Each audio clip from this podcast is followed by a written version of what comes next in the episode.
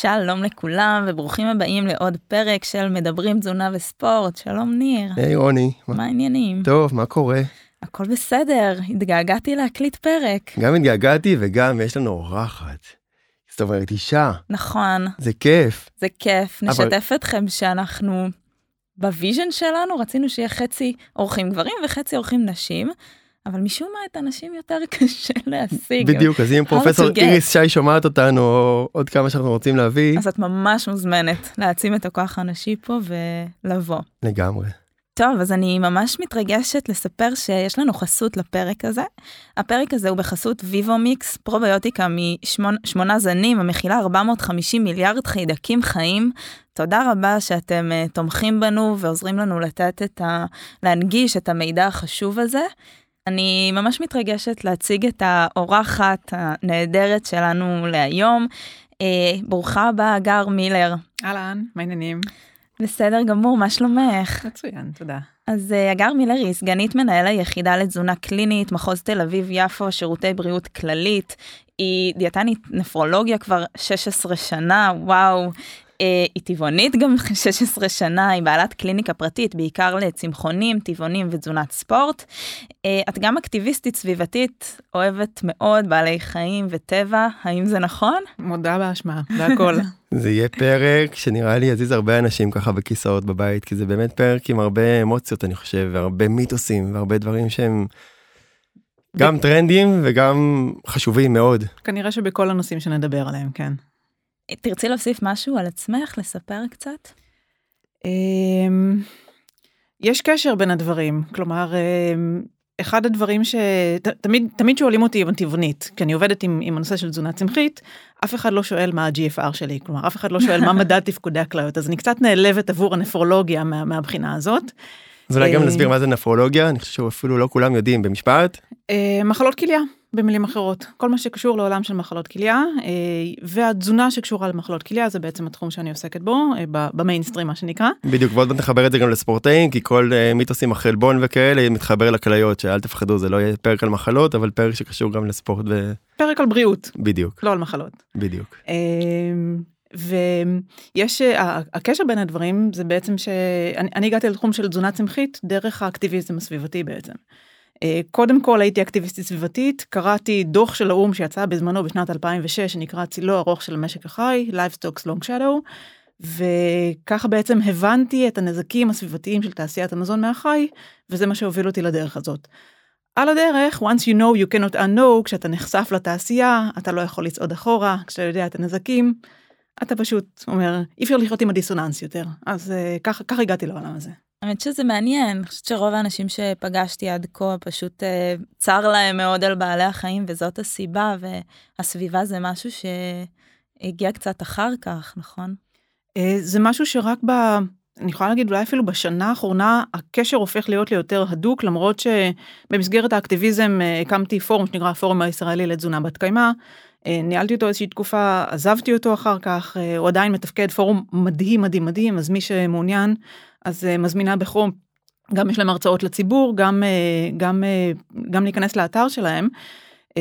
ובעצם יש יש המון קשר בין הסביבה לתזונה וזה נושא לפודקאסט בפני עצמו. כן, זה סופר מעניין וסופר חם, כי כל האקלים והעולם עכשיו לגמרי משתגע, ונראה לי שמתחילים להבין את הקשר של הנזקים שאנחנו בין היתר עושים. טוב, אז בואי נתחיל ככה עם איזושהי הקדמה, מה, מהי בכלל תזונה צמחית? אמ, תזונה צמחית זה בעצם כל משהו על הספקטרום של אה, הפחתה באכילת מזון מהחי. זה יכול להיות אה, תזונה ים תיכונית בעצם, היא על הספקטרום בעצם. ההמלצות הבסיסיות של תזונה ים תיכונית ממליצים לאכול עוף או, או דג פעמיים שלוש בשבוע, בשר בקר להמעיט לפחות מפעם בשבוע, וזה כבר ההתחלה של המנעד של התזונה הצמחית. הם ממליצים לבסס את החלבון בעיקר על חלבון מהצומח, סביב קטניות, גנים מלאים וכן הלאה. אחר כך המוכרים ביותר זה הצמחונים שבעצם נמנעים מאכילה של מזון מהחי, אה, בין אם זה אה, אה, עופות, תרנגולות או דגים. יש צמחונים שאוכלים דגים, יש צמחונים שלא אוכלים דגים, מבחינת המחקר יש להם שמות, זה יהיה pesco vegetarian, זה שאוכל, הצמחוני שאוכל דגים, הצמחוני הרגיל יהיה vegetarian. הלאה במנעד יש את הטבעוני, כשבאמצע יש לנו את ovo-lacto vegetarian או ovo vegetarian או lacto vegetarian, כלומר צמחוני לצורך העניין שלא אוכל ביצים או זה שלא אוכל מוצרי חלב, והלאה מזה בעצם הטבעוני יימנע מאכילה של כל המזון מהחי. בין אם זה אה, בשר ומוצריו, בין אם זה דגים, בין אם זה מוצרי חלב, ביצים. ודבש גם כן מגיע מהחי. Mm-hmm. מעבר לטבעוני יש אה, אנשים שדוגלים בתזונה שהיא raw food והלאה מזה זה כבר תזונה הפירוטנית אם תרצו ניגע בזה בנקודה או שתיים. אמ, האמת היא שהייתה לנו שאלה מהקהל לגבי הפירוטנים אז אה, אז אפשר לגעת בזה כבר עכשיו מה זה אומר. אוקיי okay. אה, אז ככה אז מבחינת uh, ההמלצות של, uh, של האקדמיה לתזונה ודיאטטיקה, תזונה צמחונית וטבעונית נחשבת מאוזנת בכל שלבי החיים, כולל האתלטים, כולל בילדות, בהנקה, בהיריון. כאשר מעבר לזה, אין המלצות. וזה אומר שפה זה כבר נתון לאיזושהי פרשנות אישית, שלצערי הקבוצות האלה, כלומר בין אם זה הקבוצה של ה raw food, raw food אפשר לעשות במאמץ, אבל אפשר לעשות תזונה מאוזנת כזאת. כלומר, אם מנביטים את הקטניות ולא מבשלים, אני רק אגיד במילה מה זה raw food אולי, אה, הם בעצם מאמינים שהמזון לא צריך לעבור בישול. וזה אומר שמכיוון שלכאורה ברגע שהמזון עובר טמפרטורה של 40 ומשהו 50 מעלות, זה פוגע באנזימים ובחיידקים, ברכיבים הטבעיים שיש במזון, ולכן הם, אה, הם מאמינים שלא צריך לבשל את המזון. בצד השני של זה, אה, לבישול של מזון יש ערך, כלומר הוא פוגע גם, ב, הבישול פוגע גם בחיידקים פתוגנים, בכל מיני אנטי נוטריאנטים שיש לנו במזון. ככה שזה אה, לא מוכח מבחינה מחקרית שיש לזה איזשהו ערך. זה בצד הזה.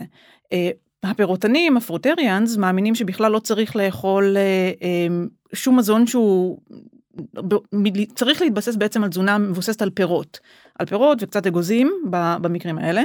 הבעיה של שתי הקבוצות האלה בעיניי אה, זה הבעיה במדיה, הן מאוד קולניות. Mm-hmm. אה, יגיע טבעוני חדש לקבוצה, ישאל, אה, היי, צריך לקחת ויטמין B12, הראשונים שיקפצו ויגידו, לא, לא, לא, לא צריך, צריך לתת לגוף להחלים לבד, אה, לא צריך לקבל שום דבר מבחוץ.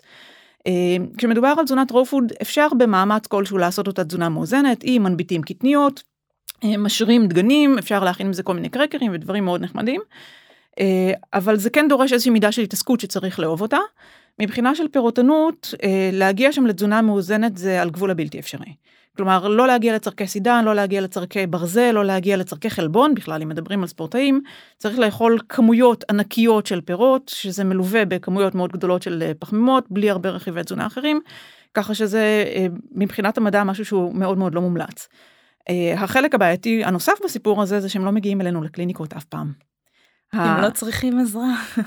וצריך להגיד שגם אין אלה ספורטאים כאילו תחרותיים הישגיים אוקיי כי משם אני מגיע אז בסוף יהיה צמחוניים ויהיו טבעוניים ויהיה כמעט אוקיי מכל הוורסיות אבל הפורטנים ממש אני אישית עד היום לא מכיר כאלה שהם ברמה של אליפות אה, ישראל אליפות אירופה אליפות עולם אולימפיאדה אז טבעוניים וצמחוניים לגמרי יש ונרחיב על זה תכף אבל הקיצוניים ממש ויש איזה פודקאסט שאני עוקב אחרי גרי רופרובסקי איזה מנטור כזה מחול ויש לו ששואלים מביאים אותו להרצאות יש את ההרצאה יש לו את הגרסה שהוא מקלל ואת הגרסה שהוא לא מקלל.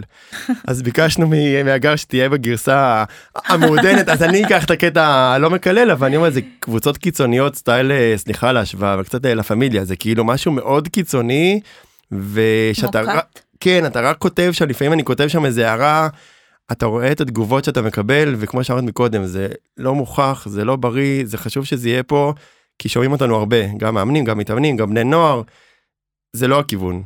אמ, יותר מזה, אתה לא תראה אותם בקליניקה, הם לא מגיעים אלינו לקליניקות, mm-hmm. הם לא מגיעים לקופות חולים, אנחנו לא יודעים כמה כאלה יש, אנחנו לא יודעים איזה חוסרים יש להם, פשוט כי הם, מאוד... הם לא שורדים כדי לספר. הם פשוט אנטי ממסדיים, הם אה, ילכו למטפלים כאלה ואחרים לפני שהם יגיעו אלינו.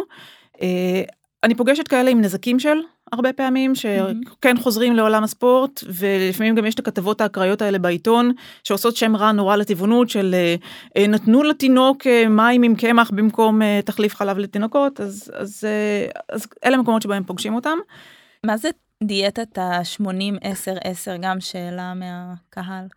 אז זה בדיוק מדובר על דיאטה פירוטנית הם טוענים ש-80% מהקלוריה צריך להגיע מפחמימות כלומר מפירות mm-hmm. 10% צריך להגיע משומן ו-10% מחלבון. Uh, כאמור, כש, כששומרים על הערכים האלה, ותכף נדבר על החלבון הצמחי, לא מצליחים להגיע לכיסוי של שאר הרכיבים בתזונה. לא, לא לכמות חלבון רצויה, בטח בוודאי לא למתאמן. ולא לכמות סידן, ברזל, ויטמינים, מינרלים אחרים שאנחנו צריכים להגיע, לקבל דרך התזונה. כמובן. אה, טוב, יש לנו, הכנו פינת מיתוסים לסוף, בגלל שזה נושא כל כך עשיר, אז, אז קודם כל יש למה לחכות, אבל אני, אני אשמח להתחיל עם אה, איזשהו ויכוח כזה, שאנשים נורא אוהבים להתווכח על זה. בני אדם נועדו להיות, אה, אם מקיימים תזונה, אורח חיים צמחי, טבעוני, צמחוני, קרניבורים, או גם זה וגם זה. אוקיי, okay. אז קודם כל קרניבור הוא אוכל בשר אובליגטורי. נגיד חתולים הם, הם קרניבורים, לא יכולים להיות צמחונים גם, גם, גם אם נרצה נורא. אנחנו אומניבורים, אנחנו אוכלי כול בעצם, קצת כמו, סליחה, חולדות, או כמו אה, כלבים או עורבים, אנחנו יכולים להתקיים גם על תזונה צמחית וגם על תזונה מהחיים. משהו חמוד, לוויתן, משהו? לא? משהו יותר חמוד. כלב, כלב חמוד, כלב זה החמוד. כלב זה חמוד. כלבים כן. יכולים להיות אומניבורים, יכולים להסתדר טוב מאוד גם על תזונה צמחית, לא, לא ייגרם להם נזק מזה.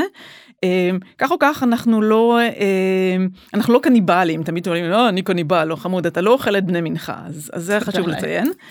אה, אז אנחנו אומניבורים, אנחנו אוכלי קול, אנחנו יכולים להתקיים בתזונה, על תזונה צמחית באופן בלעדי ועל תזונה אה, מהחי כנראה לא באופן בלעדי, כי למשל ויטמין C אנחנו יכולים לקבל אך ורק מהצומח, נכון. ככה שאנחנו זקוקים לתזונה הצמחית. אה, מבחינת היחס אנחנו כנראה יותר קרובים לאוכלי צומח מאשר לקרניבורים בעצם. Mm-hmm. אני חושבת שלפני כן אנחנו, אנחנו מה שדרווין הגדיר מין מוצלח. אנחנו סטגלטנים יותר מהכל. איזה חסרים באמת עלולים להיגרם? אה, ככה, אז אה, הוויטמין היחיד בעצם שלא ניתן לקבל אותו באופן צמחי זה ויטמין B12, ולכן כל הצמחונים, למעשה כל הטבעונים צריכים לקבל תוסף של ויטמין 12, אה, ויטמין B12 כתוסף מבחוץ. ההמלצה בדרך כלל זה נטילה באופן קבוע ללא קשר לרמות ברמ, בכמות של פעמיים, שלוש ארבע פעמים בשבוע, אלף מיקרוגרם מתסיסה מתחת ללשון. אם יש חוסרים כמובן אפשר ליטול יותר. אה, הדרך הכי טובה זה להתייעץ עם הדיאטן או הדיאטנית שלכם שייתנו לכם המלצה ספציפית. במידה ויש חוסר, אגב חוסרים, כל מי שמספר לי שאני חודש לא אוכל בשר וירד לי B12 לא חמוד, לוקח בין 3 ל-8 שנים לרוקן את המאגרים של ויטמין B12, ככה שאם מישהו לא נוטל אותו תקופה מאוד מאוד ארוכה, אז בהחלט יכולים להיווצר חוסרים, ואנחנו כן צריכים לקבל אותו באופן קבוע, במיוחד בתקופות רגישות, כמו בתקופות של הריון והנקה, אז שם גם ההמלצות למינונים גבוהות יותר. אז זה בעצם החסם היחיד בעצם, התוסף היחיד שצריך לקבל אותו מבחוץ. אה, כן מומלץ המלצה של משרד הבריאות אה, נכון לעכשיו לגבי אה, שימוש ביוד עיקר יוד מגיע בתזונה ממוצרי חלב ומדגים מכיוון שהם נעדרים בתזונה הטבעונית אז כן צמחונים טבעונים הוגדרו כאוכלוסייה בסיכון עבור חוסר ביוד ולכן מומלץ כן להשתמש במלח מועשר ביוד ובאצות מדי פעם סושי למי שאוהב או לא מאמינה שיש כאלה שלא אוהבים. ונקודה אחרונה זה אה, אומגה 3 אפשר להשיג אומגה 3 צמחי בצורה מאוד פשוטה דרך זירי פשטן זירי צ'יה אגוזי מלך אה, אה, שמן קנולה אפילו אה, אבל כן צריך לדאוג שהם יהיו בתוך התזונה. יש פה נקודה מאוד חשובה שהרבה דברים שקשה לבדוק כי אומגה 3 אנחנו קשה לנו לבדוק b12 כמו שאמרת לוקח הרבה זמן וכשאתה מגיע כבר לחסר אז כבר יש איזה שהם תסמינים ועד שזה מגיע זה באמת קצת קשה. ותזונה היא משהו שלוקחת גם הרבה מאוד שנים כאילו אם יש לך חסר בסידן קרוב לוודאי שכרגע לא יקרה כלום. אבל יכול להיות שבגיל 60 70 80 שם יתחילו הנזקים אז צריך להיות עם האצבע על הדופק באמת שמישהו יעקוב אחרי זה והסיפור הזה שאני מרגיש טוב מאז ששיניתי הוא מאוד מאוד uh, סובייקטיבי. וצריך שנייה להקשיב גם אם זה סיפור נכון ואם אתה מספר לעצמך סיפור שהוא באמת מקדם אותך ולא just because. אני אז... גם חושבת שהסיפור עם ה-B12 הוא מעניין, כי את אומרת שלוקח בין 3 ל-8 שנים בעצם לראות את החסר, והרבה אנשים אוהבים להגיד, מה, אני טבעוני, והרמות שלי מצוינות, ולהוכיח את זה כאיזשהו אה, משהו בעד התזונה הטבעונית, ואני חושבת שאולי כאן... כדאי להדגיש, לא כדאי לחכות לחסר שיבוא, זאת אומרת, כדאי להימנע. חד משמעית לא. צריך, מרגע שעברנו לתזונה צמחית, אגב, לגבי B12, זה ויטמין שיש בו חוסר מאוד מאוד גדול בכל האוכלוסייה. החל מגיל 50 אה, יש ירידה בספיגה של ויטמין, זה ויטמין שהספיגה שלו מאוד מורכבת. אנשים שנוטלים תרופות כאלה ואחרות, החל מסותרי חומצה שמשנה את החומציות במעי, זה פוגע בספיגה, דרך uh, מטפורמין, תרופות לטיפול בסוכרת, ככה שבכל מקרה זה ויטמין שפעם בשנתיים, לפי ההמלצה של הקופת חולים, כדאי לעשות בדיקה לראות שהכל סבבה שם. Uh, זה דבר ראשון. דבר שני, אני תמיד אומרת למטופלים שלי, uh, גם אם יש לי חוסר של ויטמין B12 של ברזל, יש זריקה, יש עירוי, אני יכולה לתקן את זה. הדבר היחיד שמפחיד אותי זה סידן. כי כשיש לי כבר נזק, לא יעזור עכשיו לצרוך הרבה סידן, אני צריכה לבנות מסת עצם. אז זה, זה בעיניי אחד הפוקוסים הכי גדולים שאני יכולה לתת, וכשנדבר על החלבון הצמחי נדבר גם על, ה, על העניין הזה של בריאות העצם ושל סידן. כן, ששם הסידן זה דווקא יותר בטבעונות, כי בצמחונות די קל להגיע לזה. קלי קלות. קלי קלות, אז יותר בטבעונים זה נקודה חשובה.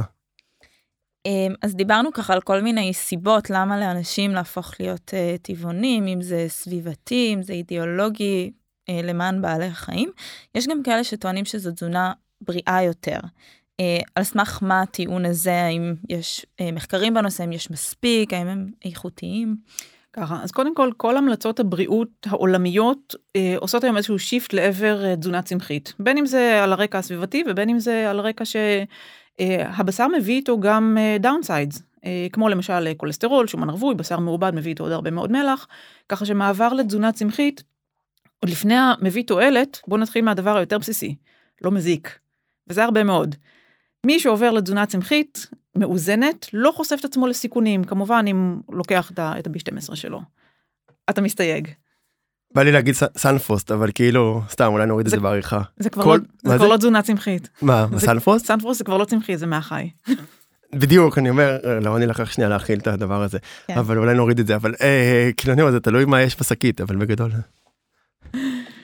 כן, נכון, אני חושבת שתעשיית המזון היום היא, היא כל כך עשירה שאתה גם יכול להיות טבעוני ולאכול אה, פסטה ואוראו, זאת אומרת, אתה לא חייב... אה, בתור, בתור מישהי דיאטנית וטבעונית 16 שנה, לא היה לנו כלום. היה לנו אה, חלב סויה של חברה אחת, טופו של חברה אחרת ועוד גבינה, אף אחד לא משלם לי אז אני לא אומרת את השמות, כן? אה, ועוד איזושהי ממרח סויה כזה או אחר של איזושהי חברה מזעזע לדעתי. וכל השאר עשינו from scratch. הייתי מכינה בורגרים מעדשים וכל מיני דברים כאלה. היום אתה יכול לאכול קמח לבן, מרגרינה, סוכר לבן, דברים שלא, הצמח שמהם הוא עשוי הוא, הוא צמח מעבדה שכזה. צמח נעלב. ממש, ממש נעלב מזה שאפשר לקרוא לדבר הזה מזון צמחי. אה, הגבינות הצהובות הטבעוניות זה, זה, זה פחמימות, שומן ומספרי אי. ככה נכון. הערובה, כלומר המעבר לתזונה צמחית זה לא ערובה לתזונה בריאה. Mm-hmm. תזונה בריאה זה אותה תזונה בריאה שכולנו מדברים עליה. הזכרתי בהתחלה תזונה עם תיכונית, תתחילו משם. נכון. תתחילו מלהכניס קטניות, תתחילו מלאכול דגנים מלאים מירקות, מאגוזים, מפירות. אחר כך תוציאו מהתפריט את הדברים האחרים, תכניסו את המזונות היהודיים, תכניסו טופו, תכניסו סייטן, תכניסו אה, יובה, דברים כאלה שאם אתם מחפשים את החלבונים, אז זה דברים ש, שכדאי להכניס אותם לתוך התפריט, אבל uh, הבסיס הוא קודם כל תזונה בריאה. אחר כך תעברו לצמחית כזאת או אחרת. אז השאלה אם, אם באמת נעשו מחקרים שישבו בין אנשים שהם אה, טבעונים, שרוב האנשים שטבעונים באמת גם עושים שיפט לתזונה שהיא בריאה יותר, אה, לעומת אנשים שעושים אה, דיאטה ים תיכונית או דיאטה שהיא בריאה אבל לא טבעונית. אז קודם כל אני שמחה להגיד שיש לנו למעלה מ-50 שנה של מחקרים על תזונה צמחית, על כל הספקטרום הצמחי, mm-hmm. כשיש קבוצה אחת שהיא מאוד מעניינת מבחינת המחקרים, זה קבוצה של האדבנטיסטים בארצות הברית. האדבנטיסטים הם אה, קהילה של נוצרים אדוקים שחלק מה, מהאמונה הדתית שלהם, יש שם אה, שיעור מאוד מאוד גבוה של אה, צמחונים וטבעונים, הם מפוזרים בכל העולם, ככה זו קהילה שהיא מאוד מאוד הטרוגנית. והם גם מקבלים אליהם, כלומר זה, זה, מ, זה גם שחורים וגם היספנים וגם לבנים, ככה שאין שם איזשהו קו גנטי כמו שאני יכולה להשוות נגיד בין המערבים לאסייתים לדוגמה. והאוכלוסייה הזאת מאוד מעניינת כי הם יושבים בלב האוכלוסייה המערבית. הם חשופים לאותו זבל, אבל הם בוחרים לאכול טוב. וכשמשווים בתוך הקהילה הזאת, בין האוכלי בשר, לבין הצמחונים, לבין הטבעונים, מגלים שונות. מבחינת ההשפעה הבריאותית. עכשיו גם הם, הם מאוד בריאים במהות שלהם, כזה עושים הייקינג בערים ויש להם חיי קהילה והרבה דברים שהם אה, מאפיינים של קהילות בריאות, ועדיין יש הבדל מאוד מהותי מבחינת התחלואה ותמותה, מבחינה של מחקרים, היא גם קהילה מאוד נחקרת, הם משתפים פעולה, אז יש גם איזושהי הטיה מהבחינה הזאת. אה, וצמחונים טבעונים שם. למה הטעיה? בואי רגע נספר אה, למה זה עלול לעבוד כי עצם, עצם שיתוף פעולה במחקר, כשיש לך אינטרס להראות משהו, אתה תראה את המשהו. אה, ורואים את זה לא רק, ב, לא רק בהיבט הזה, גם אנשים שהם מאוד אדוקים לתזונה קטוגנית. תיקחו אדם מהרחוב, שימו אותו על תזונה קטוגנית, יהיה לו קשה. נכון. קחו בן אדם שמאוד מאמין בזה, הוא יתמיד בזה יותר טוב, mm-hmm. ואז יש לי פחות נשירה ממחקרים. אז זה ללא קשר לעולם הזה של תזונה צמחית, אלא, אבל בגלל ש, ש, שכן משווים שם, הם כולם עם אותה דרגה של אמונה. משווים בין האוכלי אה, אה, קול, הצמחונים, הטבעונים, שכולם חיים בריא, בסביבת מזון האמריקאית ורואים פערים לטובת התזונה הצמחית, אז זו קבוצה שהיא מאוד מעניינת להתייחס אליה. ממש. ורואים שם באמת כאילו שיפור בבריאות בשורה התחתונה. כן, בהחלט. גם, הם גם נהנים מ-BMI נמוך יותר, הם גם נהנים משיעורים נמוכים יותר של סוכרת ושל לחץ דם ופחות תמותה ממחלות כרוניות, פחות תמותה ממחלות לב וכלי דם, אז הם, הם קבוצה מעניינת. וזה מחקרים גדולים, מחקרי אוכלוסייה מאוד מאוד רחבים, הרבה פעמים אה, פרוספקטיביים גם כן. אה, אז אה, שווה לעקוב, יש מחקר אדבנטיסטים אחד, מחקר אדבנטיסטים שני, כל הזמן יוצאים עוד...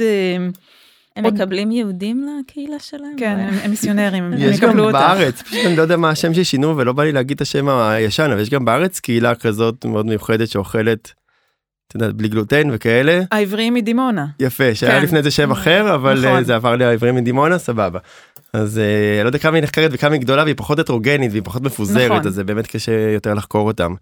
דיברנו קצת על אה, גם על B12 בא לי להזכיר שהרבה פעמים אנשים מקבלים אה, מקבלים את זה מהצד זאת אומרת מחטיפים מקורנפלקס מוויטמינצ'יק מלא לאו דווקא דברים כאלה בריאים ואז אתה אומר וואלה אין לי חסר כי קיבלתי את זה באמת מהקורנפלקס זה יכול גם להגיע פתאום הייתה לי פעם אחת ילדה בקליניקה או בקופת חולים זה עוד היה פתאום B12 בשמיים והיא לא לקחה כלום והייתה אוכלת כל כך הרבה דברים B12 שזה פשוט הגיע והייתה לגמרי צמחונית אז יש מקורות נוספים שמחבר אותי קצת לשאלה של מוצרים מעובדים.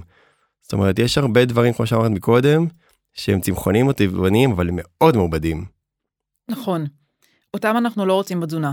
כי זה מסוג הדברים שפוגעים לי אחר כך במחקרי האדבנטיסטים, או במחקרים שלנו. כי כשאני רוצה לבוא ולהגיד תזונה צמחית, צמחונית או טבעונית, היא תזונה בריאה, אה, אף אחד מהם לא כרוך לא בקמח לבן, לא בסוכר לבן, לא בורקס, לא בג'חנון, לא בטפו צ'יפס ובכל הדברים, או ויטמינצ'יק, או מה שזה לא יהיה.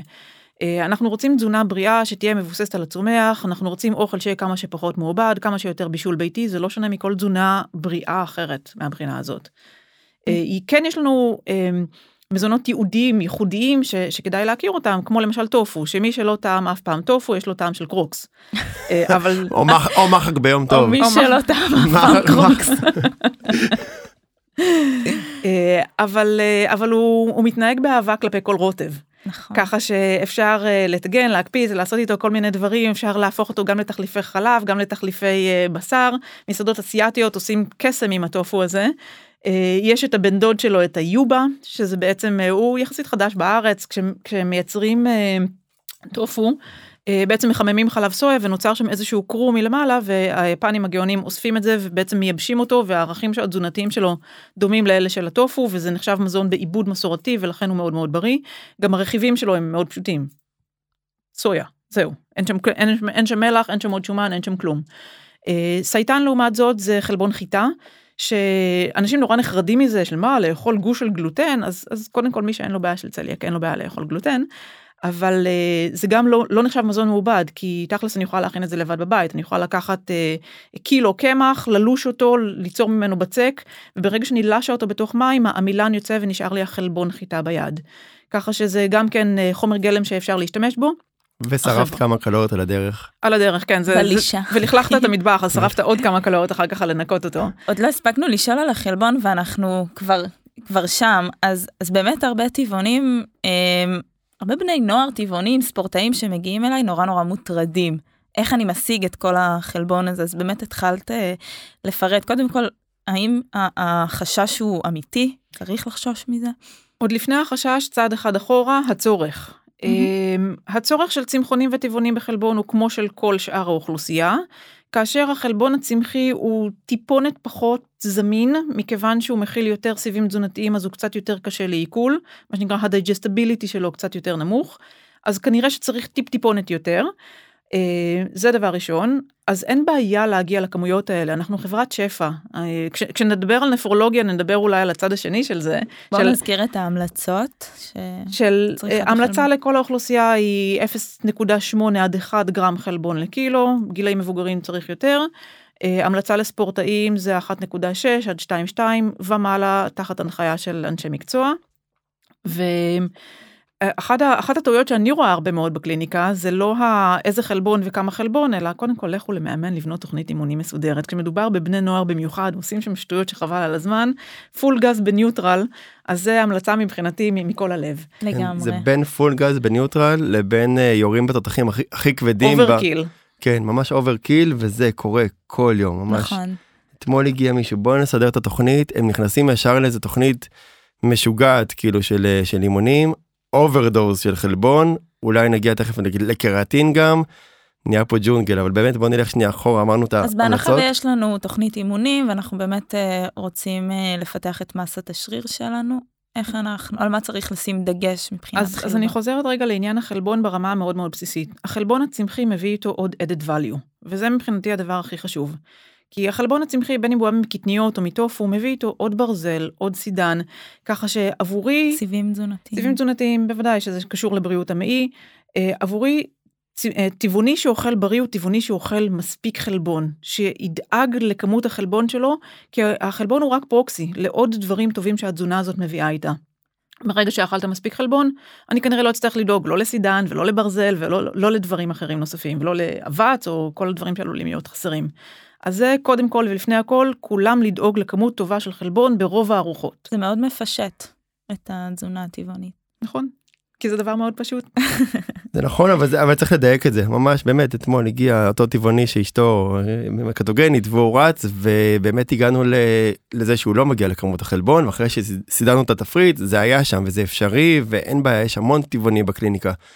אבל כן צריך, צריך לדעת לנהל את זה, כי, כי גם בקלות, בטבעונות יותר כאילו קיצונית, גם בקלות אפשר לדלג על זה. מאוד קל לאכול כאילו דברים שהם נטולי חלבון, או דלי חלבון, כמעט ואין דבר שהוא נטול, אבל דלים, אפשר גם להיות גם בלי חלבון, או מעט. הרבה פעמים בספורט סבולת רואים את זה יותר, כי הדגש הוא על פחמימות. כן. ובספורט כוח, אנשים מחפשים את החלבון בצורה קצת יותר אה, אינטנסיבית.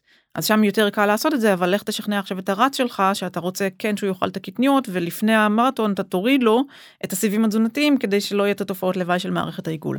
אבל כן, לטווח הארוך, זה בהחלט חלק מהמיינטננס לצרוך מספיק חלבון. אוקיי, אז אנחנו יודעים שחלבון זה, זה אה, רצף של אה, חומצות אמיניות, חלקן חיוניות וחלקן לא חיוניות. אה, כשחלבון מהחי מכיל את הכל בילט אין, איך אנחנו מתייחסים לזה אה, בחלבון מהצומח? אוקיי, אז זה מיתוס שכמובן אשמח להרוג אותו.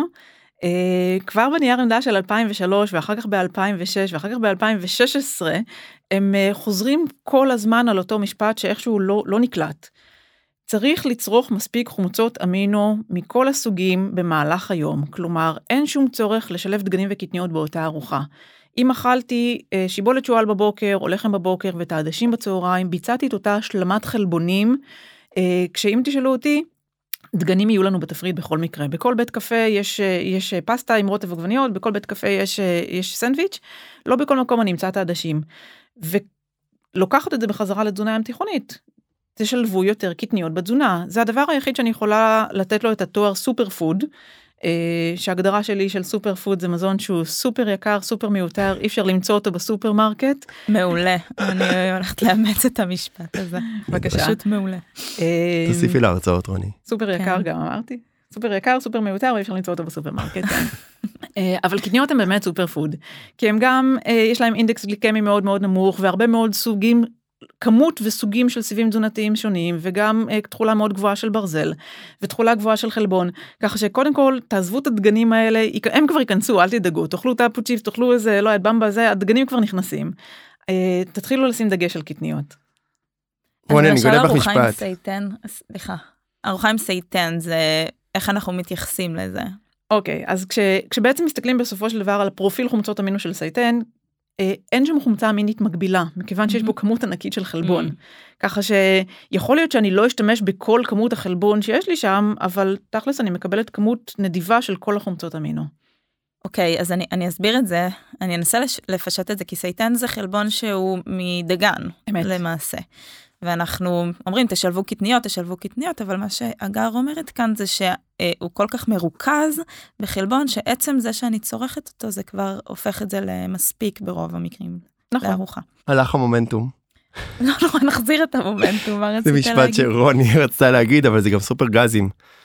אה, כן, מה עם הגזים? אני שואלת כמובן אה, לאוכלוסייה הגברית, נשים לא סובלות מהבעיה לא. עושות את לא, זה. ודאי שלא. לא עושות את זה. בכלל. אמ, אז ככה, אז קודם כל, הפקטור המשמעותי ביותר זה חשיפה הדרגתית. אחת הבעיות של, אה, של קטניות זה שאוכלים חמין בשישי שבת, כל הסוף שבוע מילה מיותר מנומסת, לציין. כן, בדיוק. תזמורת. נ- נהנים, נהנים מתופעות הלוואי, יש יתרון לרווקות, רק אומר. חד משמעית, יש הרבה יתרונות לרווקות. טבעונות הפרק. ורווקות. כל מה שצריך זה חתולים. אמ, ובעצם ברגע שאנחנו מתחילים להכניס את הקטניות באופן קבוע לתוך התזונה שלנו אפילו בכמות קטנה חיידקי המעי שלנו שכל כך מתרגשים לקבל את המזון הפרביוטי הזה שעוזר להם לשגשג אה, מתחילים להתלהב פחות כי הם מקבלים את זה על בסיס יומיומי ובעצם זה מפחית את, ה, את התופעות לוואי את הגזים. אה, דבר נוסף כמובן שהשריה של קטניות או מי שמאוד רגיש גם להנביט את הקטניות עוזר לפרק את הסיבים התזונתיים ולכן אה, יכול להפחית את הסיכון לתופעות לוואי לגזים. מעולה.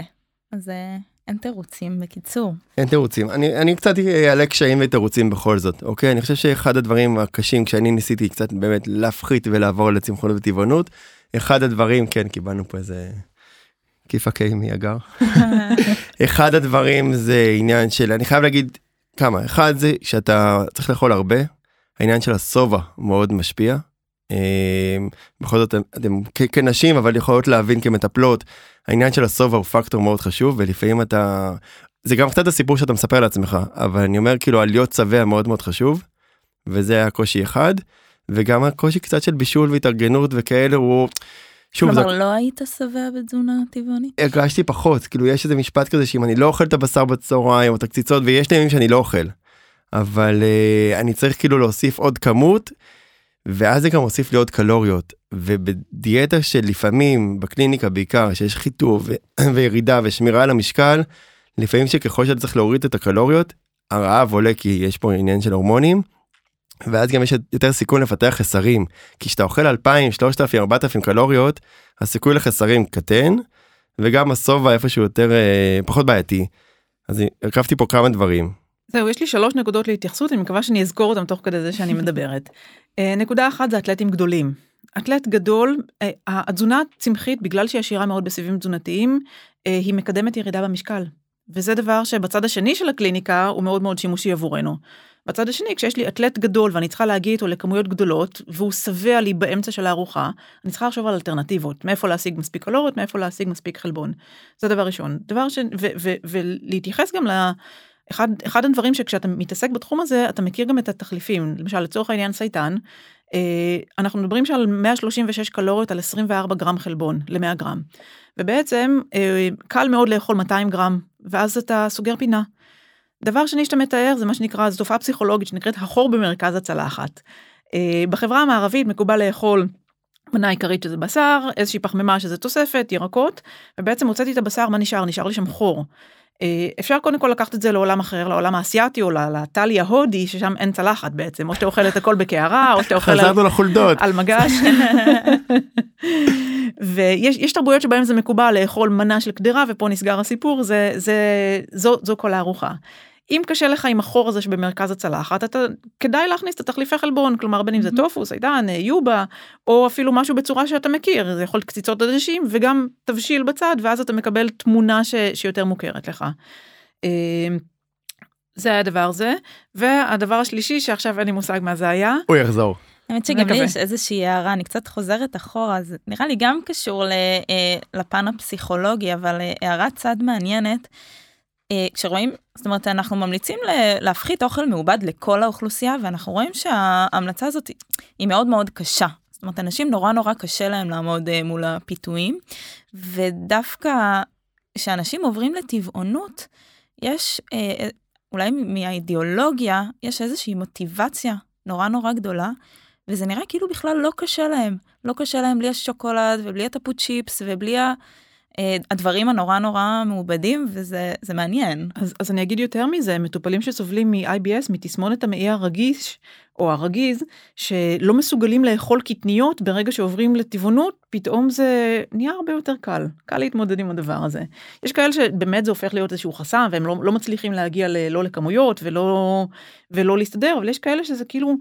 מחליק את התסמונת כמו כמו קסם ואומרים הכל נסבל בשביל הטבעונות אני מוכן לעשות את זה. מעניין מאוד לראות את הקשר בין הפן הפסיכולוגי לפן הפיזיולוגי אנחנו לא פסיכולוגים אז לא נדע לענות על כל הדברים כן זה באמת משהו נושא גדול וזה שהוא state of mind פשוט אני חושב שהסיפור שאנחנו מספרים ומאמינים בו הוא מאוד מאוד חשוב.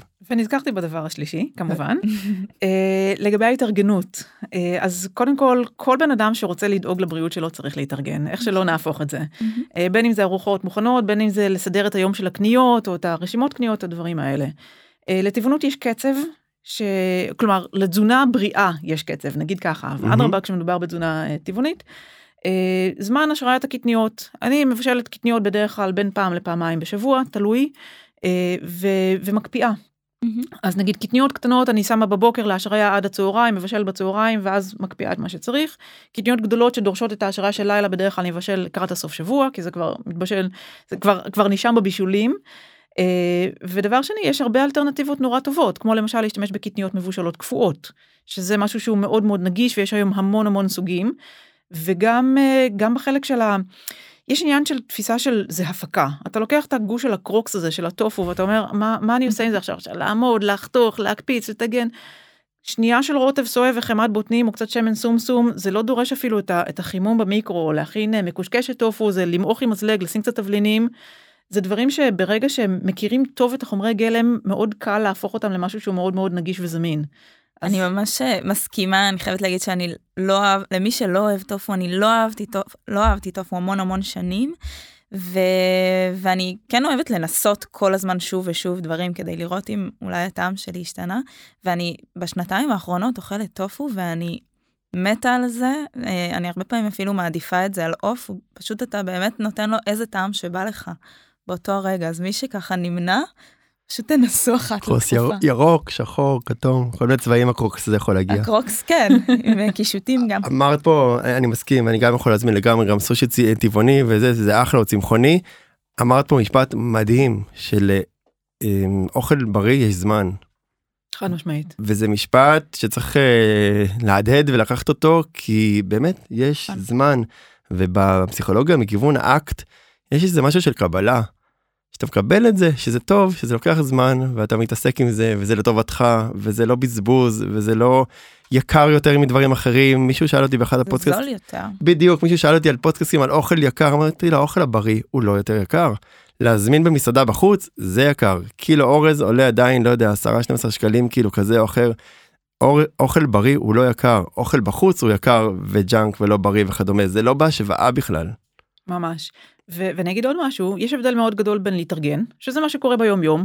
שנייה מוציאה את הקטניות שבישלתי, שמה כמה, חותכת קצת ירקות, עושה מזה סלט ירושלמי, סגרתי פינה על ארוחת צהריים. לבין לבשל, שזה בסוף שבוע, אני לא מוזגת לי כוס יין, שמה מוזיקה, נכנסת, משתוללת על המטבח. לא חייבים לעשות את זה, אפשר רק להתארגן. הדברים הבסיסיים הם הרבה יותר זולים, הרבה יותר נגישים. לא רוצה לעמוד לחתוך סלט, קח חופן של בייבי, חופן של שרי, תערבב ביחד, תקרא לזה סלט, good enough. כל דבר mm-hmm. בחיים עולה לך או זמן או כסף. זה ה... אלה האופציות. נכון, לגמרי. אני לאט לאט כמעט משתכנע, אבל בסדר. זה... אה, אבל זה חשוב שאני גם אתן את הקול השני, כי בסוף כאילו עדיין יש הרבה אנשים שאוכלים בשר, נהנים בבשר, אז שיהיה פה איזה, איזה איזון. טוב, לפני שאנחנו עוברים לכליות, יש לי שאלה נוספת. אחד התוספי תזונה, תזונת ספורט הנפוצים ביותר זה הקריאטין. מי שלא מכיר, נעשה רפרנס לפרק על אה, תוספי תזונה. אה, הקריאטין למעשה מגיע מהבשר, ואנחנו מקשרים אותו לעלייה במסת השריר. אז מה, מה קורה בטבעונות? ש, שאלה טובה. מחקרים מראים שלצמחונים וטבעונים יש רמות נמוכות יותר של קריאטין, ולכן הם מרוויחים יותר מתיסוף. ולמעשה, אה, בדרך כלל אתלטים, צמחונים או טבעונים, כדאי להם כן לקבל את הקריאטין מתוסף, מה שאני לא יכולה להגיד עבור כל שאר האוכלוסייה. Mm-hmm. צריך כמובן להגדיר מי זה אתלט ולאיזה מטרות, כמובן, אה, נשים את זה במאמר מוסגר, אבל בהחלט אתלט צמחוני או טבעוני יכול להרוויח יותר מתיסוף של קריאטין. מעניין. מעניין, וזה צריך להיות ממש ב... בהשגחה, וכמה כמות, ואיזה גיל, ואיזה ספורטאי, זה יכול לעזור בכוח. בכוח מתפרץ, זה יכול להיות גם בעליית מסה, אבל אני מאוד אה, עם האצבע על הדופק שם, כי יש נטייה גם לקחת ולקחת יותר מדי, וזה תוסף שצריך לעקוב אחריו, מה שנראה לי כן יביא אותנו גם לכליות ונפרולוגיה. כן, אז בואו אה, בוא נעשה מעברון כזה, אנחנו רוצים גם לדבר על אה, אה, תזונה שקשורה לבריאות הכליה. האם יש קשר בין תזונה צמחית לנפרולוגיה? כן, יש קשר טוב, אבל הרבה פעמים הוא קצת 5 minutes too late. כשמגיעים אליי למרפאה עם אי ספיקת כליות ואומרים לי, אני רוצה לעבור לתזונה צמחית, קודם כל, אהלן הגעתם למקום הנכון, זה בסדר, אין בעיה, להזיק זה לא מזיק. אבל הקשר מתחיל הרבה קודם לכן. ככל שיש לנו יותר ותק על תזונה צמחית, זה מקטין את הסיכון למחלות כליה בעצם. זה מקטין גם את הסיכון למחלות רקע שגורמות למחלות כליה. כלומר, מכיוון שתזונה צמחית עוזרת לשמור על אה, משקל גוף נמוך יותר, מקטין את הסיכון למחלות לב וכלי דם, מקטין את הסיכון ליתר לחץ דם, מקטין את הסיכון לסוכרת, אלה הם הגורמים למחלות כליה. אז מלכתחילה, מעבר לתזונה צמחית בריאה מונע את המחלות שגורמות למחלות כליה. גם כשיש לי מחלת כליה התחלתית, המעבר לתזונה צמחית, יש לו יתרון. כי אוטומטית זה קצת מקטין את כמות החלבון, זה מכניס כמות גדולה של ויטמינים, של מינרלים, של סיבים תזונתיים, שבעצם משפיעים לנו על רכיבים שנוצרים במעי ויכולים להשפיע על תפקודי הכליות, ככה שיש לזה יתרון. יש חסם אחד מאוד גדול בכל הנוגע במעבר לתזונה צמחית כשיש בעיה כלייתית, וזה נושא האשלגן, וזה הרועץ לסיפור הזה. אה, אגב זה זה כל מה שאני אומרת זה במקביל להנחיות שיצאו יצאו הנחיות אה, חדשות ב-2020 נקרא דוקי שזה הנחיות לתזונה לטיפול במחלות כליה גם אם זה בדיאליזה גם אם זה לפני דיאליזה כלומר גם אם זה באי ספיקת כליות כרונית וגם באי ספיקת כליות סופנית.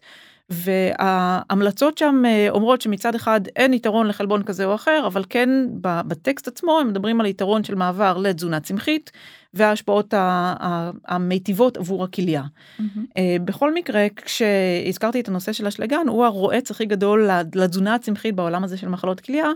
אה, כי התזונה הצמחית מאוד מאוד מאוד מאוד עשירה באשלגן שזה מצוין לכל האוכלוסייה וזה מצוין להורדת לחץ דם וזה מצוין אה, מהרבה מאוד בחינות. אבל כשיש בעיה כלייתית ומקבלים תרופות שמטפלות בבעיה הכלייתית, בדרך כלל תרופות להורדת לחץ דם, אשלגן נוטה לעלות. ואז אנחנו צריכים להגביל את האשלגן בתזונה. אבל פרט לזה, כל עוד אין בעיה של אשלגן, אה, תזונה כלייתית ותזונה צמחית הולכים יד ביד ביחד. אז, אז בואו אולי נתחיל קודם, כשהכליה היא טפו טפו בריאה. אה, אנשים נורא חוששים מכמות עודפת של אה, חלבון, שמא יפגע בכליות, מה תוכלי לספר על זה? כל עוד אתה בריא, בריא זה אומר בריא, זה לא יש לי לחץ דם שמטופל בתרופות או יש לי קצת סוכר או כל בריא זה בריא, כשאתה בריא אין שום בעיה בצריכה של חלבון. הבעיה מתחילה זה שיש את הקצת, שיש, אה, אם יש לך יותר לחץ דם, לא ממליצה על תזונה עשירה בחלבון, אם יש לך סוכרת או טרום סוכרת, כבר לא ממליצה על תזונה עשירה בחלבון. עכשיו, יש פה גם איזושהי סתירה, כי הרבה mm-hmm. פעמים מגיעים לדיאטה לירידה במשקל, מעלים את כמות החלבון, אבל כל עוד זה נעשה תחת פיקוח וחוזרים על בדיקות דם והדיאטה נוקב, אני לא מצפה לשינויים מאוד מאוד דרמטיים, ככה ש... כל עוד לא עושים באמת איזה דיאטה קיצונית כמו קטוגנית שהיא גם תזונה מאוד מאוד קיצונית שמתבססת על כמויות ענקיות של בשר כשמדברים על תזונה רגילה אה, אז אז אין שום בעיה עם צריכה של כמויות של חלבון כשאתה בריא או אם יש לך משהו מאוד בסיסי ולעשות את זה תחת מעקב כלומר אם יש קצת לחץ דם או יש קצת סוכר. אה, כמובן שאם יש מחלות כליה במשפחה, או אם יש אה, מחלת אבנים במשפחה, או, אה, או שלך יש התחלה של אי ספיקת כליות או עלייה בקריאטנין, כמובן שכמויות החלבון צריכות לרדת בצורה דרמטית. אבל בצד השני, זאת אומרת, עודף של חלבון למתאמן או ספורטאי שהוא בריא לחלוטין ויאכל כמות, בוא נגיד שהיא גבוהה, דרך אגב, שיורדים לרזולוציה, עדיין תמיד כמות החלבונים יותר נמוכה מכמות הפחמימות והשומנים ברמה הקלורית. זאת אומרת, גם ספורטאי שאוכל אפילו 100, 100 גרם אה, חלבון ביום, שזה בערך 400 קלוריות, אוקיי? והוא אוכל תפריט של 2,000 צפונה, זה אף פעם אחוז החלבון בתפריט הוא אף פעם לא גבוה מהשומנים והפחמימות, זה צריך להבין את זה. גם הספורטאים שאוכלים המון חלבון. אין כמעט דיאטות שהן נטו חלבון ברמה הזאת זה, זה פרקטית זה לא יקרה זה צריך לאכול לול שלם. נכון פרט לתקופות ספציפיות כל המתחטבים למיניהם שמורידים את הפחמות ואת השומן ומעלים את הכמות של החלבון. אני גם חייבת להסתייג כי היום יש טרנד נורא נורא זאת אומרת יש מודעות נורא נורא גדולה לחלבון יש אבקות חלבון ויש יוגורט חלבון ויש סנפרוסט חלבון ויש הכל חלבון אז אז באמת נשאלת השאלה איפה הגבול. קודם כל יש גם חלבה חלבון ובייגלה חלבון. וקורנפלקס חלבון. כי זה מוכר. נכון. זה, כן, פסטה זה... חלבון אבל זה גם הרבה סמנטיקה כי גם בפסטה חלבון יש אולי עוד גרם ביחס לזאת שלו וזה קצת יותר טרנדי נכון. ושיווקי. יש, יש שם הילת בריאות סביב כן. הדבר הזה. אז בואו נגיד קצת מחקרים מה בדקו כמה הגיעו. אז בדקו כמויות חלבון אצל בריאים לתקופות בין שבועות לחודשים גם מגיעים לארבעה גרם חלבון לקילו ולא מצאו נזקים כלייתיים עד כה. יש עוד מחקרים שרצים, כלומר, יכול להיות שאנחנו נגלה אחרת, אה, יכול להיות שנקבל תמיכה לדבר הזה, אני עוד לא יודעת. אבל uh, עד עכשיו אצל בריא אין נזקים גם בצריכה של 4 גרם חלבון, כאילו שזה כמות אסטרונומית לכל דבר, לכל דעה ואופן. נכון, אז מי שאוכל ככה תזונה מגוונת ומאוזנת, לא, לא צריך לחשוש, הוא לא, הוא לא יגיע לכמויות כאלה. לא, כנראה שלא. לא, אבל היה לי שחקן כדורגל, מכבי תל אביב, אוקיי, קצת שיתופים בקליניקה, ספורטאי ברמות הכי גבוהות, והתחלנו עם אה, גם קריאטין וגם עם גיינר, והכליות לא עמדו בזה, וכאילו כן היה סיפור של היסטוריה משפחתית שהוא לא ידע. ומגלים את זה וזה הפיך לרוב ברוב המקרים בסדר לא ניכנס למחלות מאוד uh, קיצוניות אבל אפשר כאילו גם ללכת אחורה והורדנו את הקריאטין והערכים התיישרו וגם הייתה לי מתחרה מאוד גדולה בג'ודו שגם שם הלכנו מה שאמרת מקודם על החיטוב ים בחלבון מעט מאוד פחמימות והיא קרסה הגיעה לאשפוז זה יכול לקרות גם על מישהו שאתה אומר בואנה הוא ספורטאי ברמות הכי גבוהות. זה, זה נורא חשוב שאתה אומר את זה, כי זה רק מדגיש את הערך של מעקב תזונתי. של מישהו שיושב שם עם אצבע על הדופק ורואה מה קורה כשזה קורה, או לפני שזה קורה, או שואל את השאלות הנכונות. לי הגיע אליי בחור צעיר עם קריאטנין 2.7, שזה אי ספיקת כליות מתקדמת. אחרי ירידה, הוא היה, ירד ירידה ענקית במשקל, תקופה של הרבלייף, uh, גם כן על הדרך, כל מיני שייקים ואבקות. ואף אחד לא שאל אותו, אף אחד לא ביקש לראות בדיקות דם. זה הכל. האם עשית בדיקות דם? תביא נראה. מבין, לא מבין, רואים את הנקודה מחוץ לטווח, זה הכל. תראה, אתה לא צריך להיות גאון בשביל לראות נקודה מחוץ לטווח, להגיד, אוקיי, תקשיב, אני, אני מפחד עליך, בוא, בוא לך לרופא, לך לדיאטנית. בדיוק, זו נקודה מאוד חשובה, כי בסוף זה נראה מאוד מלחיץ מה שדיברנו עכשיו, בסוף זה בדיקת דם פשוטה, זה לא עכשיו לעשות ביופסיה, ולא מעבר, ולא CT, ולא MRI, זה בסך הכל בדיקות שאנחנו, דיאטנים, או הרופא צריך לראות, הרופאה, ו... וזה שם, אז זה גם לא להילחץ. וזה, וזה בדיוק הבדיקה השגרתית שנדרש מכל אדם לעשות פעם בשנה או פעם בשנתיים, לא יותר מזה. בול. נכון. אה, עוד שאלה שלפעמים אה, מטרידה אנשים בהקשר של הכליות זה הסיפור של נוזלים. האם לשתות מעט מדי עלול לפגוע בכליות, האם לשתות הרבה מדי, גם את זה שמעת. אז קודם כל, עודף של שתייה לא פוגע בכליות, עודף של שתייה בתנאי קיצון מסוימים יכול לגרום לירידה של מלחים. מה זה תנאי קיצון מסוימים? מרתון באוגוסט, למשל. כשמאבדים כמויות ענקיות של זיעה, זה גם, זה משתנה מגודל, מאתלט לאתלט, משתנה לפי הגודל של האתלט, משתנה באורך של, ה, של האבנט, של האירוע ספורט. אה, יש ספורט שמאוד מקובל לתת תוספים של מלח, אולטרה מרתון למשל. אה, מרתון אפילו לא תמיד חייבים, תלוי בעונה מתי זה קורה. גם חשוב לי להגיד, זה לא רק הזיעה, זה גם לשתות רק מים. אם המים הם ללא מלחים. נכון, אז אפשר לפתור של... את זה בקלות עם שתייה של איזוטוני, הרבה פעמים באולטרה מרתון זה מה שמגישים גם בתחנות. כן. אה, ככה ש... אה, ההמלצה לכל האוכלוסייה היא לשמור על שתן בהיר. זה הכל. לא צריך... אה, ככה אה, פשוט. ממש, ממש ככה פשוט. רוב הזמן שיהיה לך שתן בהיר. גם כשאתה קם בבוקר תדאג שהוא יהיה מספיק בהיר. זה הכל. אז, אז אולי מה ההמלצה לנוזלים, ספורטאים, לאדם הסביר? אז שוב, זה משתנה לפי עונה, זה משתנה לפי הספורט. אה, אם את מתאמנת בחדר כושר מול המזגנים זה דבר אחד, אם את רוכבת אופניים עם נידוף מאוד מאוד גבוה זה סיפור שהוא אחר. אה, וזה תלוי באורך של האירוע, כי כשאנחנו מדברים על אה, שעה, שעה וחצי של ספורט, אנחנו לא נצטרך כלום, תגיעו הביתה, תאכלו ארוחת ערב, תסגרו עניין. אה, כשמדברים על אירועים של מעל שעה וחצי, שעתיים ומעלה, אז שם כבר שווה להתייעץ בכל מקרה עם איש מקצוע בנוגע לתזונה שלך, ושיתייחס גם לנושא המלחים. תעלם לו את השתן ותשלח. כן. אמ, עוד משהו ש, שאני אוהבת לציין ככה בהקשר של הכליות, זה הסיפור של... יודעים מה, אולי נעבור למיתוסים. זה מיתוס, אני, אני בונה את המתח. שנעבור לפינת יאללה, המיתוסים. יאללה, דו איט. אוקיי. אז, אז משהו שאני אוהבת לדבר עליו בהקשר של כליות, זה הסיפור של ניקוי רעלים. יש דיאטות מיוחדות לניקוי לא, רעלים, כן. משווקים אותם ב-all over, אמ, אז אולי תוכלי לספר מה, מה התפקיד של הכליות אפילו, בהקשר הזה. אפילו אני לא ידעתי שזה מגיע. אה, נכון, זה עלה לי תוך כדי. ככה, כל הנושא של אה, ניקוי רעלים, בין אם זה הכבד, המעי או הכליות או כל דבר שהוא, אה, אנחנו לא צריכים ניקוי רעלים. חד משמעית, אין דיאטה לניקוי רעלים. הכבד הנפלא שלנו עושה עבודה מצוינת, בין אם זה בניקוי, לעשות מטאבוליזם של חומרים שהם לא רצויים, בין אם זה תרופות.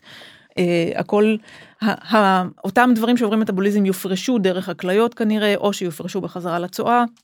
הגוף עושה עבודה מצוינת. אה, יש סיכון בניקוי רעלים מסוג כזה או אחר. אה, כי קודם כל זה מדובר בשינוי קיצוני בסגנון התזונה, הרבה פעמים אם זה מדובר על דיאטת מיצים אז אני יכולה להיחשף בדיוק לחוסר מלחים למשל, אה, אם זה נטילה של כל מיני תוספים לשם ניקוי רעלים, לצערי אם תחפשו בגוגל עכשיו חיפוש ניקוי רעלים ואי ספיקת כליות אתם תמצאו יותר מכתבה אחת בנושא.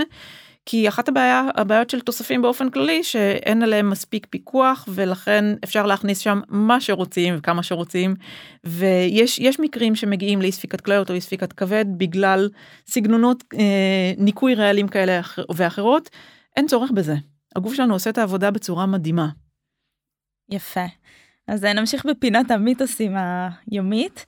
אה, סויה אנשים חוששים שבסויה יש הורמונים נשיים שיכולים לעשות okay. אוקיי. תופעות. אה, יופי, אז זה מחזיר אותי קצת לתזונה, לתזונה הצמחית. אה, סויה זכתה לשם רע בגלל יחסי ציבור, כי המציאו שם שם. יש, יש נוגדי חמצון שנקראים איזופלבונים שנמצאים בסויה בכמות גדולה, נמצאים גם ביין אה, וב, ובהרבה מאוד סוגים של בתה ירוק למשל, זה לא מעט יש חפיפה בין אותם סוגים של, של נוגדי חמצון, אז אותם איזופלבונים אה, זכו לשם פיטואסטרוגנים. ובגלל שזה אסטרוגן צמחי, פיטו צמחי אסטרוגן, אה, זה יצר בהלה מאוד מאוד גדולה ולא מוצדקת באוכלוסייה. השם המקצועי של אותם רכיבים, הם כן פעילים מבחינה ביולוגית, כלומר כן יש להם אפקט, אבל תחזיקו חזק, זה נקרא NSERM, Natural Selective Estrogen Receptor Modulators. לבריאות. לא דבר. אה, יש לנו שני סוגים של רצפטורים לאסטרוגן, אחד מסוג אלפא, אחד מסוג בטא, אחד נמצא בכמות גדולה יותר ברקמות השד, שחלות ערמונית אה, ורקמת המין. אה, דווקא שם אותו, אותם איזופלבונים שמגיעים מסויה, הם, הם, הם נקשרים וקצת חוסמים את הפעילות של האסטרוגן הטבעי. וזה אומר שדווקא שם הם מפחיתים את הסיכון למחלות סרטניות. בדיוק באיברים, ברקמות של שד, שחלות והרמונית. הסוג השני של הרצפטור נמצא בכמות גדולה בכלי דם ובעצמות ואז שם דווקא יש להם תפקיד הפוך בגלל זה זה natural selective estrogen receptor modulator הם מגיבים בכל רצפטור בצורה שהיא שונה קצת. שם הם בעצם חוסמים את הם, הם מגבירים את האפקט של האסטרוגן ולכן דווקא הם מסייעים במידה קטנה מאוד בהפחתת הסיכון למחלות לב וכלי דם ואפילו סיכון לאוסטאופורוזיס. ככה שבעצם לאותם איזופלבונים, שכבר לא קוראים להם פיטואסטרוגנים, יש אפקט כפול והוא כנראה מועיל לבריאות. או בצד השני כנראה לא משפיע בכלל. הציטוט המדויק של ה-American Cancer Society היה no effect at all or slightly beneficial in the prevention and recurrence of cancer. או שלא משפיע או שזה טיפה מועיל במניעה ובמניעה של חזרה ובמניעה של סרטן. אז תראו איך, איך נולד לו מיתוס, איך הוא מתגלגל. אנשים מפחדים לאכול מאכל שהוא כל כך בריא וכל כך חיובי. באמת חבל, אמרת עצמות ואוסטאופורוזיס ונזכרתי שלא דיברנו על סידן. אז אולי נדבר ובזה אז, אז סידן, סידן בתזונה הצמחית, אה, זה אולי איזשהו סוג של אתגר. קודם כל, קטניות עשירות בסידן, לא מאוד כמו מוצרי חלב, אבל אחד מהדברים שאני יכולה כן להגיד לטובת היצרנים זה שכן מעשירים את מוצרי סויה, למשל משקאות אלטרנטיביים, אה, מעשירים, ב, מעשירים בסידן לכמות שהיא שוות ערך למוצרי חלב, אה, יוגורטים טבעוניים שיש גם כאלה שהם ללא סוכר, אז אין בעיה להשתמש בהם, טופו מועשר בסידן, סיידן מועשר בסידן, אז זה קודם כל מחבר אותי לעולם החלבון, תאכלו מספיק חלבון, כנראה שקיבלתם מספיק סידן. בלי קשר לזה, תאכלו גם שפע של ירקות מכל הסוגים, מכל המינים, גם משם מגיעה לא כמויות ענקיות של סידן, אבל כשאוכלים כמות, מקבלים כמות. אז יש, בתפוז יש, בשקדים יש, כן, יש, בוודאי. אנשים לא יודעים אבל יש. האתגר בדרך כלל זה באמת על תפריטים שהם דלי קלוריות, כשאני צריכה לעשות uh, תפריט לבחורה קטנה, אני צריכה להיות יותר מיינדד לנושא הסידן. תהיו ספורטאי uh, גדול. המלצה. הם, הם מאבדים יותר מלח ונוזלים, לא בטוחה. לא בטוחה. קשה להם למצוא נעליים. טוב, יש לי עוד הרבה שאלות, אבל אנחנו יש לי, ככה... יש לי אנקדוטה על, על כן. ספורטאי, ספורטאי גדול. בחור מטר תשעים גובה שיוצא לשביל ישראל. לא ספורטאי, אבל הוא עדיין צריך לקבל 3,000 קלוריות, עכשיו 3,000-4,000 קלוריות ליום. רק שעוד פקטור שנכנס לתוך הדבר הזה זה המשקל של האוכל. כי אתה צריך לסחוב איתך את האוכל למשך כמה ימים. וואו. אז זה מסוג הדברים שנורא כיף לעבוד איתם. כשאתה טבעוני, אגב כולם בשביל ישראל טבעונים פחות או יותר, כי בשר לא נשמר. יותר קל לסחוב עדשים ולבשל אותם בערב מאשר אה, לסחוב איתך קבנוס אם אתה מוצא אחד כזה במקרה בפיצוצייה. אז, אה, אז זה גם מסוג הדברים שנורא נורא כיף לעבוד איתם, דווקא יתרונות לאתלטים גדולים, לפחות לנו כיף לעבוד איתם. יפה. מסכים. אמ, טוב, אז קצת לפני סיום, פינת אה, עקרת האורח הקבועה שלנו. אז, עקרת אה, האורחת. עקרת האורחת. אה, אז אגר, מה היית אם לא היית דיאטנית? קלה קלות, הייתי ויטרינרית או, ש... או שהייתי עובדת בגינון, אגרונומית או גננת. כמה, כמה מפתיע, כן. אה? אוקיי, ומה מאכל אהוב עלייך? פלפל קלוי. לא שמעתם את זה, נכון? לא, זה עוד לא היה. זה עוד לא שמענו. יפה. זה לא בא טוב עם קלוי. עם אולקוס וקיבים, אבל בעיקרון זה אחלה. פחות. יותר מהכל, חשבתי על זה, יותר מבורקס, יותר מפיצה, הם מדורגים מאוד גבוה. לא, פלפל קלוי, definitely. תקנו אותי בפלפל קלוי. איזה יופי. אה, ניר, למה לא מלא- הבאת פלפל קלוי? אמרתי מלא לך ויטמין להביא C, האמת. שזה אחד הטובים, אני באמת אוהב פלפל, תדעו. והוא מפוצץ בוויטמין C, נכון. אחד הגדולים. אה, הגר, איזה ספורט את עושה? אם אה, בכלל. בוודאי. יש, יש לי היסטוריה, כרגע אני קרוספיט, שש שנים, ו leisure time activity זו אה, אופניים, ריצה, דברים כאלה. קרוספיט הוא המנצח של הפודקאסט שלנו, כל האורחים, רוב האורחים רוב האורחים. שלנו, בקרוספיט, כי זה כיף. אנחנו צריכים חסות של קרוספיט או של קרוקס. או של פלפל קלוי. וואו, הגר, כל כך מעניין, כמה ידע, איזה כיף, היה ממש תענוג, תודה שהגעת אה, תודה רבה להתארח שהזמנתם אצלנו. אותי, היה לי ממש כיף להיות אצלכם. ותודה לכם המאזינים, תודה לך ניר, תודה לרז שחזר מחו"ל. ועוזר לנו להפיק את ה- את הפודקאסטים. המון תודה, היה מרתק. יאללה ביי. ביי ביי. ביי.